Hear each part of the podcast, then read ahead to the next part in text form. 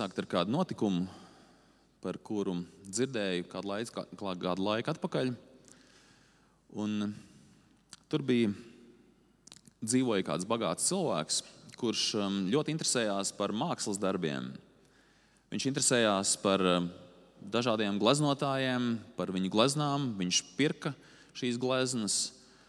Un, uh, viņš bija savācis ļoti lielu kolekciju savā namā. Viņš bija pietiekoši turīgs, ka viņš varēja atļauties to. Un, uh, viņam bija ļoti bagāta, dažādu populāru gleznotāju un mākslinieku gleznu kolekcija. Šim bagātajam cilvēkam bija arī dēls. Um, šis dēls bija nedaudz savādāk, ar savādākām interesēm, un viņam, viņam interesēja iepazīties ar dažādiem cilvēkiem. Un viņš uh, pavadīja savu laiku sarunājoties ar cilvēkiem, tiekoties ar visdažādākiem cilvēkiem. Un kādu dienu viņš satika arī uz ielas kādu nabadzīgu cilvēku, kurš sēdēja turpat, un um, viņš um, ar viņu iepazinās. Un, uh, cik viņš ļoti tuvu pie viņa dzīvojamās mājas bija, viņš uh, ik pa laikam šo cilvēku, šo bezpajumtnieku tur satika. Un pagāja kāds laiks, un um, šis bezpajumtnieks uzzināja par to, ka šis jaunais cilvēks ir traģiski aizgājis bojā. Bet viņam bija izveidojušās ļoti labas un draudzīgas attiecības ar šo jauno cilvēku. Un viņš domāja, kā tas ir. Un viņam radās sirdī kāda doma, kad viņš, viņš sameklēja papīra gabalu, un viņš sameklēja kādas krītiņas un zīmējumu. Un viņš mēģināja uzzīmēt šī jaunā cilvēka portretu jo viņš bija ļoti iedraudzējies ar šo jauno cilvēku. Viņš uzzīmēja šī cilvēka portretu, un tā kā viņš to prata, um, varbūt ne kā mākslinieks, bet kā vienkārši cilvēks, un viņš, uh, zinādams, ka šis jaunais cilvēks dzīvoja, viņš aizgāja un pieklāvēja pie šī bagātā cilvēka namdurvīm, un tur viņa uh, kalpotājs sagaidīja. Viņš saka, es gribētu šo zīmējumu iedot šī jaunā cilvēka ģimenei viņa tēvam, jo šis jaunais cilvēks ļoti bieži stāstīja par savu tēvu. Un, un tas um, durvju sargs, tas kalpotājs, paskatījās uz to zīmējumu. Viņš skatījās, un tas zīmējums tāds ļoti prasts, vienkārši ir, bet um, pat cik tas bija tāds lūgums, un viņš aiznesa to šim tēvam. Un tēvs ļoti bija nobēdājies par savu dēlam traģisko bojāju bet šis portrets viņu ļoti iepriecināja. Neskatoties uz to, ka tas bija ļoti vienkāršs, tas bija ļoti neveikli, varbūt uzzīmēts, bet viņš bija ļoti iepriecināts par to. Un vienmēr, kad pie šī tēva, pie šī vecā vīra eh, viesojās kādi ļaudis, kas meklē, apmeklēja viņa kolekciju, gribēja redzēt, ar viņu runāties par to, viņš vienmēr rādīja šo vienkāršo zīmējumu. Viņš teica, šis ir mans dēls, šis ir mans dēls. Un, un viņš stāstīja par savu dēlu, cik viņš ļoti viņu mīlēja. Un pēc tam, protams, arī viņi skatījās tās pārējās gleznas. Pagāja kāds laiks, un arī šis um, bagātnieks, šis vecais vīrs, arī aizgāja mūžībā. Un uh, pilsētā bija pēc kāda laika izziņots, ka um, Utrupē izpārdošanā tiks izpārdotas šī cilvēka gleznas, viņa glezna galerija. Un ļoti daudz cilvēki, kuri interesējās par mākslu, bagāti, turīgi cilvēki. Viņi aizgāja uz šo utrupu un interesējās par to, kā, kāda tie mākslas, mākslas darbi ir. Un viņi skatījās vienu gleznu, otru gleznu. Un arī šis bezpajumtnieks, šis nabadzīgais cilvēks, arī aizgāja uz to pašu vietu, kur šī utrupa notikās. Viņš arī aizgāja. Viņš gribēja redzēt, kā, kā notiksies šis, šis, šī izpārdošana. Un uh, ierodās tās um, izpārdošanas vadītājs, viņš ar āmurītu uzsit par galdu un saka, sākam utrupi. Un, um, kā, pirmais, kā pirmais darbs tiek izstādīts šis vienkāršais zīmējums, kurā ir attēlots šī bagātnieka dēls. Un tie mākslas lietpratēji un bagātie cilvēki Saku, nu, kāpēc, kāpēc, utrup, kāpēc šīs eh, izpārdošana iesākās ar šādu vienkāršu zīmējumu? Tajām nav nekādas mākslinieciskas vērtības. Bet, nu, lai nu kā tur būtu, vadītājs iesāk šo izpārdošanu. Viņš saka, kurš no jums gribētu nosaukt pirmo cenu par šo portretu, par šo dēla portretu? Nu, visi tā sarunājās savstarpēji. Nu, tur nav nekādas mākslinieciskas vērtības. Nu, viņi, viņi saka, nu, mēs interesējamies vairāk par tiem pārējiem mākslas darbiem, par Van Gogu, par, par Picasso, par citiem. Nu, šitais mūs neinteresē. Bet viņš saka, tas ir pirmais, pirmais, um, pirmā glezna, ko mēs pārdosim. Nu, vai tiešām nav starp jums neviens, kas gribētu balsot, kas gribētu uh, nosaukt cenu? Un arī starp viņiem ir šis cilvēks, kas bija zīmējis šo zīmējumu, šis nabadzīgais cilvēks. Viņš skatās, ka neviens no mākslas lietotājiem negrib pirkt šo gleznu. Viņš skatās kabatā, viņš skatās savu naudas maciņu, tur ir tikai daži dolāri. Viņš nosauc šo, un viņš izsauc, viņš saka, es esmu gatavs pirkt šo gleznu par tik un tik dažiem dolāriem. Un tas izpārdošanas vadītājs saka, kurš, bals, kurš nosauc lielāku cenu par šo? Un neviens nav. Viņš saka, šī cena, šie daži dolāri pirmo reizi. Vai tiešām no jums negrib neviens pirkt ar šo gleznu? Otro reizi. Un vēl pēdējā iespēja. Viņš saka, trešo reizi glezna pārdot. Un šis nabadzīgais cilvēks nāk šeit priekšā, lai saņemtu savu gleznu un dodas atpakaļ savā vietā. Un tas otrs vadītājs, viņš eh, ar āmurīti sit pa galdu un saka, otrup ir beigusies.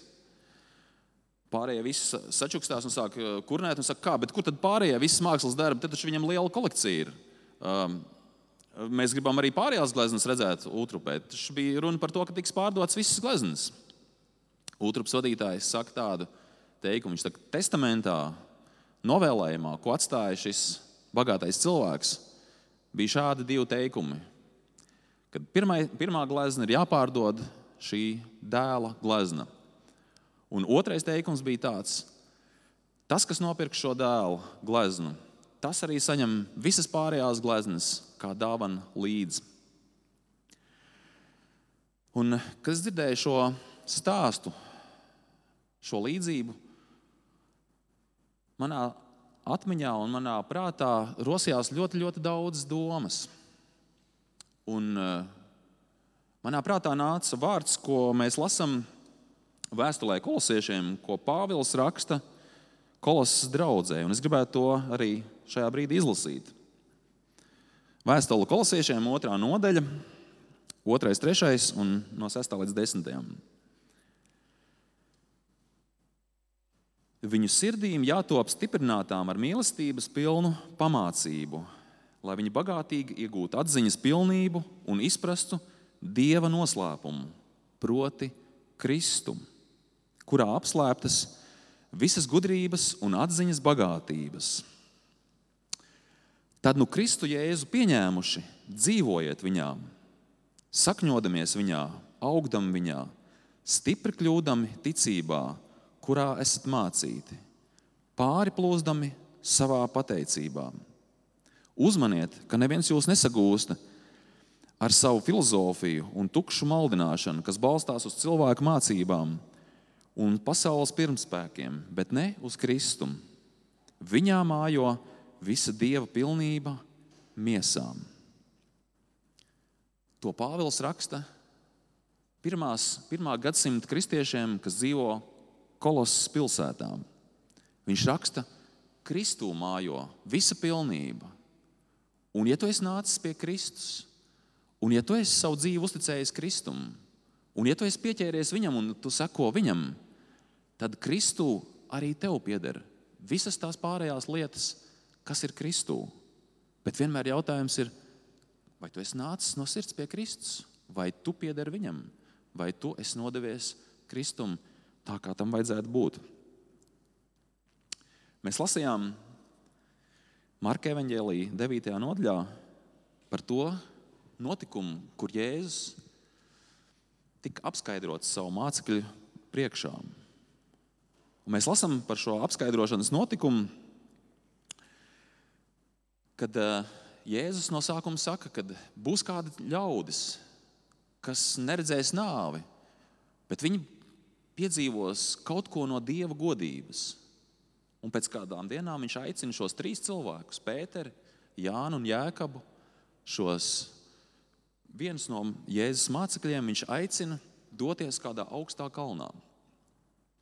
Um, mācīt vīri, Bībeles pētnieki ir pētījuši un jautājuši par to, ir šis, kurš, ir bij, kurš ir šis kalns bijis. Nav zināms, vai tas ir bijis Tabora kalns vai tas bijis Hermonta kalns, bet ir zināms, ka tas ir bijis kaut kur jūdejas ziemeļos, viens no šiem kalniem. Bet šie trīs mācekļi piedzīvo kādu neparastu notikumu, un Jēzus viņus ieved šajā neparastajā notikumā. Viņi paši tajā nedodas, bet Jēzus viņus ved šajā notikumā. Un dažreiz arī mūsu dzīvēm mūsu kristiešu dzīvē var būt kādi notikumi, kuros Dievs mūs ieved, varbūt pret, pret paša gribu, varbūt meklējumu dēļ, varbūt kādu grūtību dēļ. Mēs pat nezinām īstos iemeslus, kāpēc tas tā notiekās, bet Dievs var ievest mūs kādos notikumos, kur Viņš grib mācīt mums kaut ko, kur Viņš grib runāt uz mūsu sirdīm ļoti nopietnu, dziļu mācību un vārdus par savu realitāti. Un Jēzus ņem šos mācekļus sev līdzi šajā notikumā. Un mēs lasām par to, ka Jēzus tur tika apskaidrots viņu priekšā, un viņa drēbes tika spožas un ļoti baltas.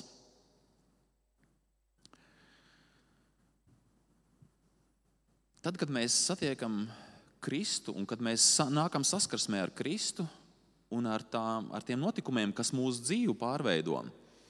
Kad mēs sākam apzināties Dieva realitāti, kad mēs sākam saprast, ka Dievs atbild uz lūgšanām, kad Viņš dzird tavus dvēseles saucienus un tavus meklējumus, mēs piedzīvojam, ka mūsu dzīve, mūsu apstākļi, mūsu iekšējais cilvēks tiek pārveidots. Bībelē runā par to, ka cilvēks kļūst par jaunu radījumu. cilvēks iet cauri kādiem notikumiem, kādam piedzīvojumam, kur, kur tiek pārveidot viņa iekšējā pasaule. Vai tu atceries tos brīžus, kas tevi uzrunāja, kad tu kļuvi par kristieti? Vai tu atceries tos, tos apstākļus, tās domas, tās dzīves situācijas, kas tevi uzrunāja, kad tu kļuvi par Kristus sekotāju? Tur noteikti bija kādas lietas, kas lika tev domāt, kas lika tev kaut ko pārdzīvot, kas lika meklēt dzīves jēgu. Arī manā dzīvē tā bija. Arī manā sirdī bija kādi meklējumi, kādi jautājumi, lūkšanas. Un es jautāju Dievam, es meklēju viņu. Un es ticu arī, ka tu esi meklējis savā dzīvē. Bet šie, šie meklējumi un šī saskarsme ar Dievu, viņi pārveido kaut ko tavā sirdī. Tu vairs neesi tas pats cilvēks, kas dzīvoja tikai pats sev. Un rakstīts arī par to, ka Jēzus tika pārveidots. Viņš viņu, viņa priekšā, viņa drēbes tika pārveidotas, tās kļūst tīras, sniegbaltas. Un to mācekļi arī redzēja. Un šajā brīdī, kad viņi redz Jēzu pārveidotu, viņiem arī atklājās kādi vecās derības cilvēki, personāži. Un pēkšņi viņi redz, kad Mozus ir dzīvs un kad Elija ir dzīvs. Un mēs, kas las, esam lasījuši Bībeli, mēs zinām, ka Elija tas ir vecās derības pravietis. Vecās derības pravietis Elija viņiem parādās kā dzīvs, atklājās, un viņš sarunājās ar Jēzu. Pravietis Elija dzīvoja Izraēla tautas ļoti smagā, grūtā laikā kad lielākā daļa no tautas bija atkāpusies ļoti stipri no Dieva. Līdz pat tādam mēram, kad viņu garīgajā kalpošanā bija ienākušas ezotēriskas prakses, okultas un pagāniskas darbības, un viņi nevarēja atšķirt to vairs, kas nāk no Dieva un kas nenāk no Dieva. Un viņi praktizēja kādas lietas, kuras, kurās viņi bija ievaduši cilvēki. Un pravietim Elijam bija ļoti liels uzdevums. Viņa bija liels uzdevums šo atkāpušos tautu, šo atkritušos tautu atvest atpakaļ pie dzīvā Dieva. Un šis pravietis ar Dieva žēlstību to varēja arī darīt. Un mēs varam lasīt par šiem notikumiem vecajā derībā. Un šis pravietis pēkšņi atklājās kā dzīvs un sarunājās ar Jēzu, un mācekļi, kas tur ir, viņi to dzird. Un tur arī kā dzīvs atklājās Mozus, šis vecās derības vīrs, dievbijīgais tautas vadītājs, kas bija likumdevējs. Un Mozus arī ļoti lielu lomu spēlē Izraēlas tautas dzīvē. Viņš bija tas, kas, viņ, kur vadībā tika izvesta tauta no Eģiptes zemes, no Eģiptes verdzības, no grēka verdzības. Tika izvesta laukā tauta, un viņš, Dievs caur viņu deva likumus tautai, kas līdz pat šai dienai ir spēkā. Un Jēzus sarunājās ar šiem diviem vecās derības cilvēkiem. Un turpat arī satiekās jaunās derības cilvēki. Tur ir Pēters, Jānis un Jēkabs, Kristus mācekļi. Un tur ir Jēzus kā vidutājs starp veco derību un jauno derību. Starp vecās derības cilvēkiem, dievbijīgiem un jaunās derības. Un šiem trijiem cilvēkiem, šiem trijiem mācekļiem ir jābūt lieciniekiem par šo atklāsmu un šo satikšanos. Un tas bija viņiem ļoti vajadzīgs, jo viņiem bija jānes tālāk Kristus vēsts. Tad, kad Kristus tika paņemts debesīs, viņiem bija jānes tālāk šī vēsts. Un, ja viņiem nebūtu šī dieva realitātes atklāsme, viņiem būtu ļoti grūti būt par lieciniekiem. Tāpēc viņiem bija kaut kas jāpiedzīvo no dieva. Viņiem atklājās šie vecās derības vīri, un Kristus ar viņiem sarunājās. Un mēs redzam, kāda ir Pētera un mācekļu reakcija. Pēters griežas pie Jēzus un saka viņam, mācītāji, šeit mums ir labi. Taisīsim telts vienu tev, vienu mūzum, vienu elijam. Taisīsim trīs telts, bet viņš bija izbijies un viņš nezināja, ko viņš saka. Viņš bija, viņš bija pārņēmis ļoti liels pārdzīvojums. Viņš atrodoties šajā eh, Kristus pārveidošanas, šīs apskaidrošanas kalnā, šajā notikumā, šajā atklāsmē, viņš ir gan bailēs, bet tajā pašā laikā viņš eh, apzinīgi uzdod viņam kādus jautājumus. Es esmu sastapies ar kādiem cilvēkiem, kas saka, ka, lai piedzīvotu kādas lietas no Dieva, ir nepieciešams atslēgt prātu un atslēgties no domāšanas. Mēs redzam šajā notikumā, kad Pēters ir pie pilnas skaidras domāšanas. Lai gan viņš, viņš ir eh, izbijies, viņš ir pārdzīvojumi pilns, bet tajā pašā laikā viņš ir uzdot Jēzum kādus jautājumus un saņemt arī kādas atbildes. Tātad viņš ir apzinīgi šajā stāvoklī. Un, uh, tur mēs lasām par to, ka Pēters bija izbijies no šī notikuma, jo notikās kaut kas tāds, ko viņi līdz šim nebija pieredzējuši. Un mēs um, redzam to, ka padebes nāca Tur 7. pāntā lasām par to, ka padebes nāca tos apēnodam, un balss nāca no padebes. Šis ir mans mīļais dēls, klausiet viņu. Bībelē nav daudz runāts par Dieva trīsvienību, par to, ka Dievs ir viens, bet Viņš ir trīsvienīgs. Tas ir kāds liels noslēpums, kur mēs līdz galam saprast nespējam kā cilvēki.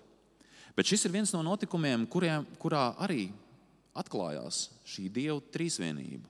Tiek pavērts kāds noslēpums, kaut kas tiek atklāts, kad mēs saprotam, ka ir Kristus, kas ir nācis kā mesija, kā glābējs, kā dieva dēls, bet tur ir dieva klātbūtne, šī padebes, un tur ir tēva balss, kas atskan no šīs, no šīs padebes.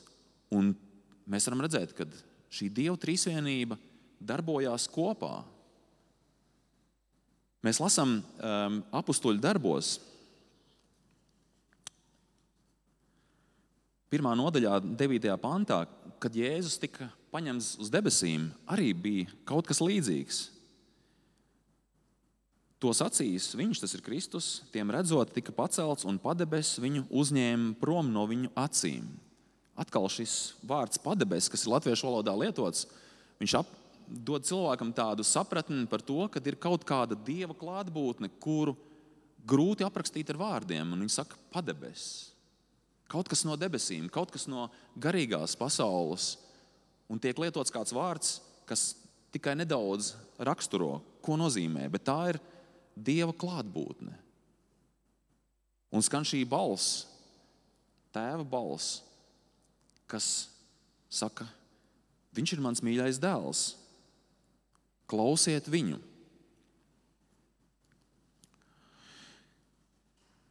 Mēs kā um, cilvēki, mēs um, savā dzīvē, mums ir gan bērni, gan mums ir vecāki. Mēs paši esam bijuši kādiem bērniem, un mums ir arī bērni. Un uh, ir ļoti nozīmīgi, kad mēs ar saviem bērniem savā savstarpējās attiecībās uh, sakam kādus labus vārdus, iedrošinam viņus. Uh, nav arī nekāda problēma, kad mēs viņus uh, sarājam par kādiem um, blēņu darbiem un kad mēs viņus arī par kaut ko nu, viņu, viņus pamācām un audzinām, un, un arī kādu sodu varbūt citreiz pielietojam. Bet tam visam jābūt atbilstīgam. Bet mēs redzam šeit arī to, ka debesu Tēvs savu dēlu arī viņš viņam dod kādu labvēlības un svētības vārdu un pagodina viņu šo mācekļu priekšā. Viņš saka, Viņš ir mans mīļais dēls. Cik reizes mēs saviem bērniem, vai bērniem, kuri, kuri mūsu pāraudzībā, skolā vai svētdienas skolā, arī sakam kādus labus vārdus, kas viņus iedrošina, kad viņš ir mīļais bērns, kad viņš ir mīlēts. Tas ir ļoti svarīgi. Katram cilvēkam, arī pieaugušam cilvēkam, ir svarīgi dzirdēt un zināt to, ka viņš ir mīlēts.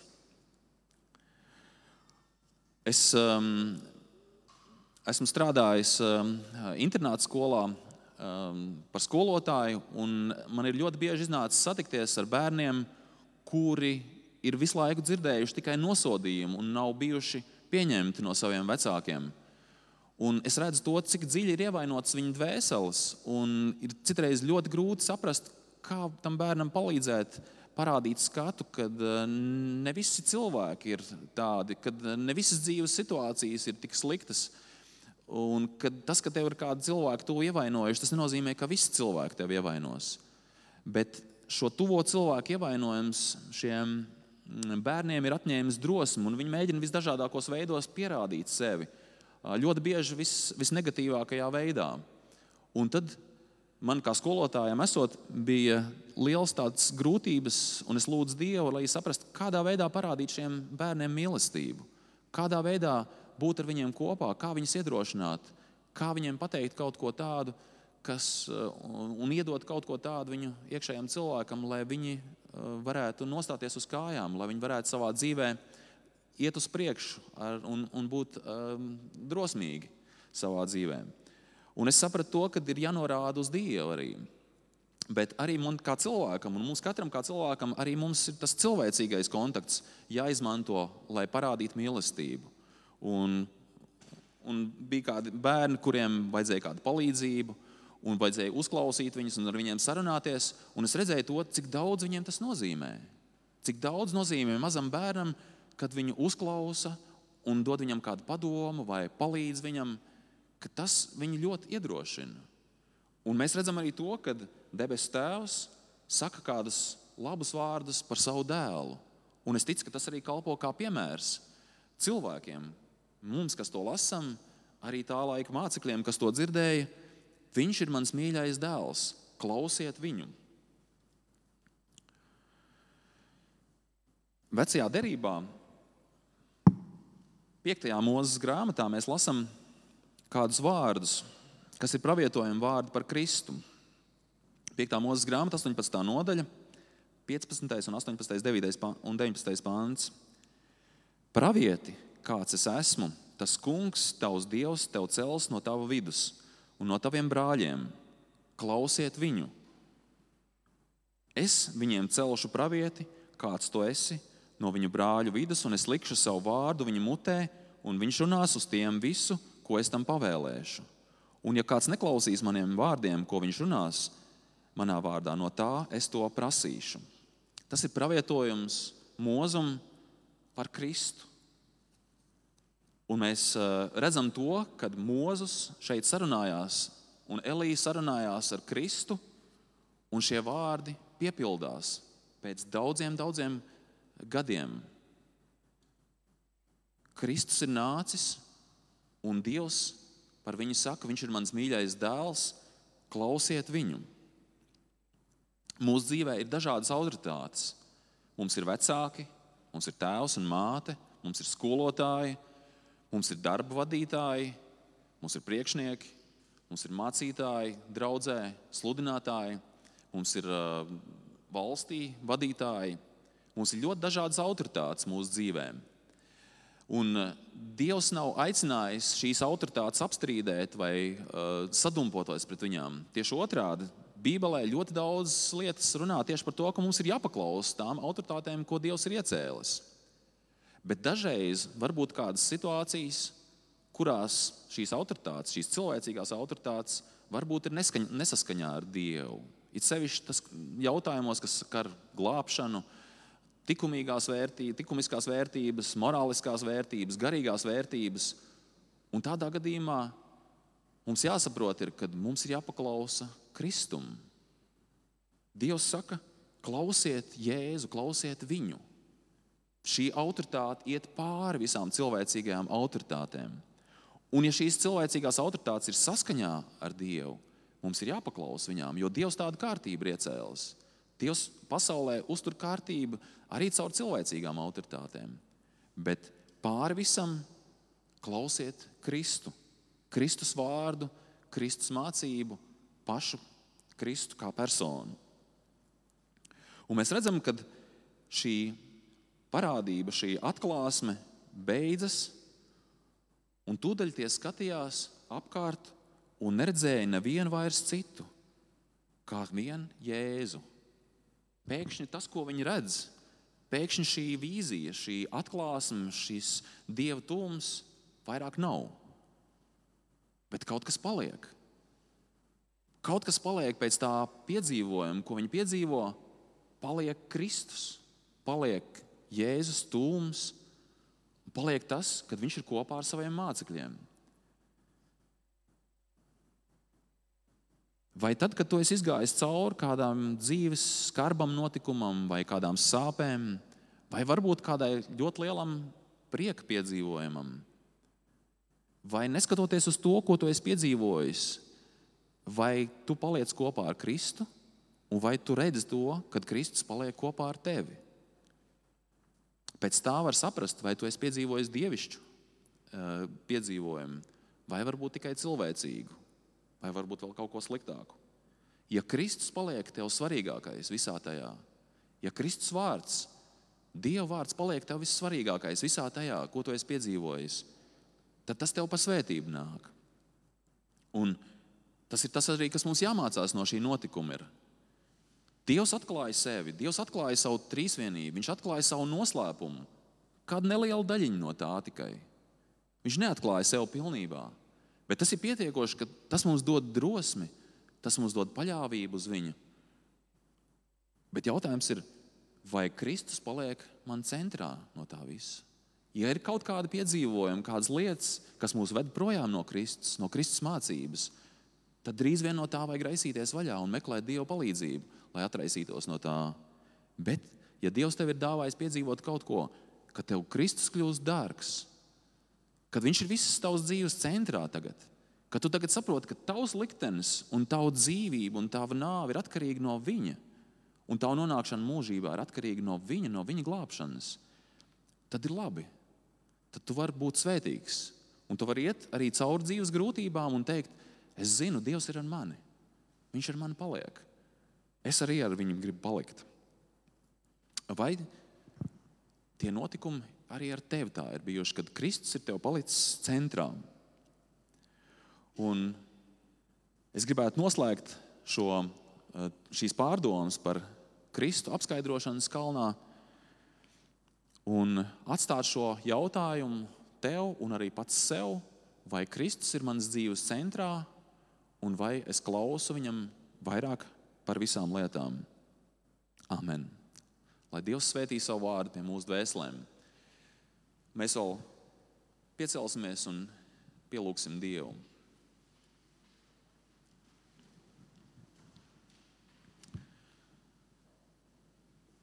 Mīļais glābēji, Jēzus, paldies Tev par to, ka Tu atklāji sevi, ka Tu atklāji savus būtības noslēpumu. Paldies, Jēzus, par to, ka Tu atklāji, ka Tu esi visas mūsu dzīves centrā, ka Tu gribi mūs, būt mūsu dzīves centrā un gribi būt mūsu kungs.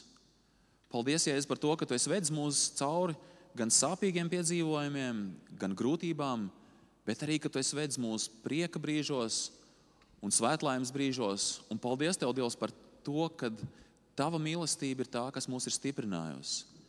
Un paldies Tev par to, ka Tavs vārds ir tas, kas ir darījis mūs stiprus un kas ir devis mums paļāvību uz Tevi, ka Tu būsi arī ar mums uz priekšu.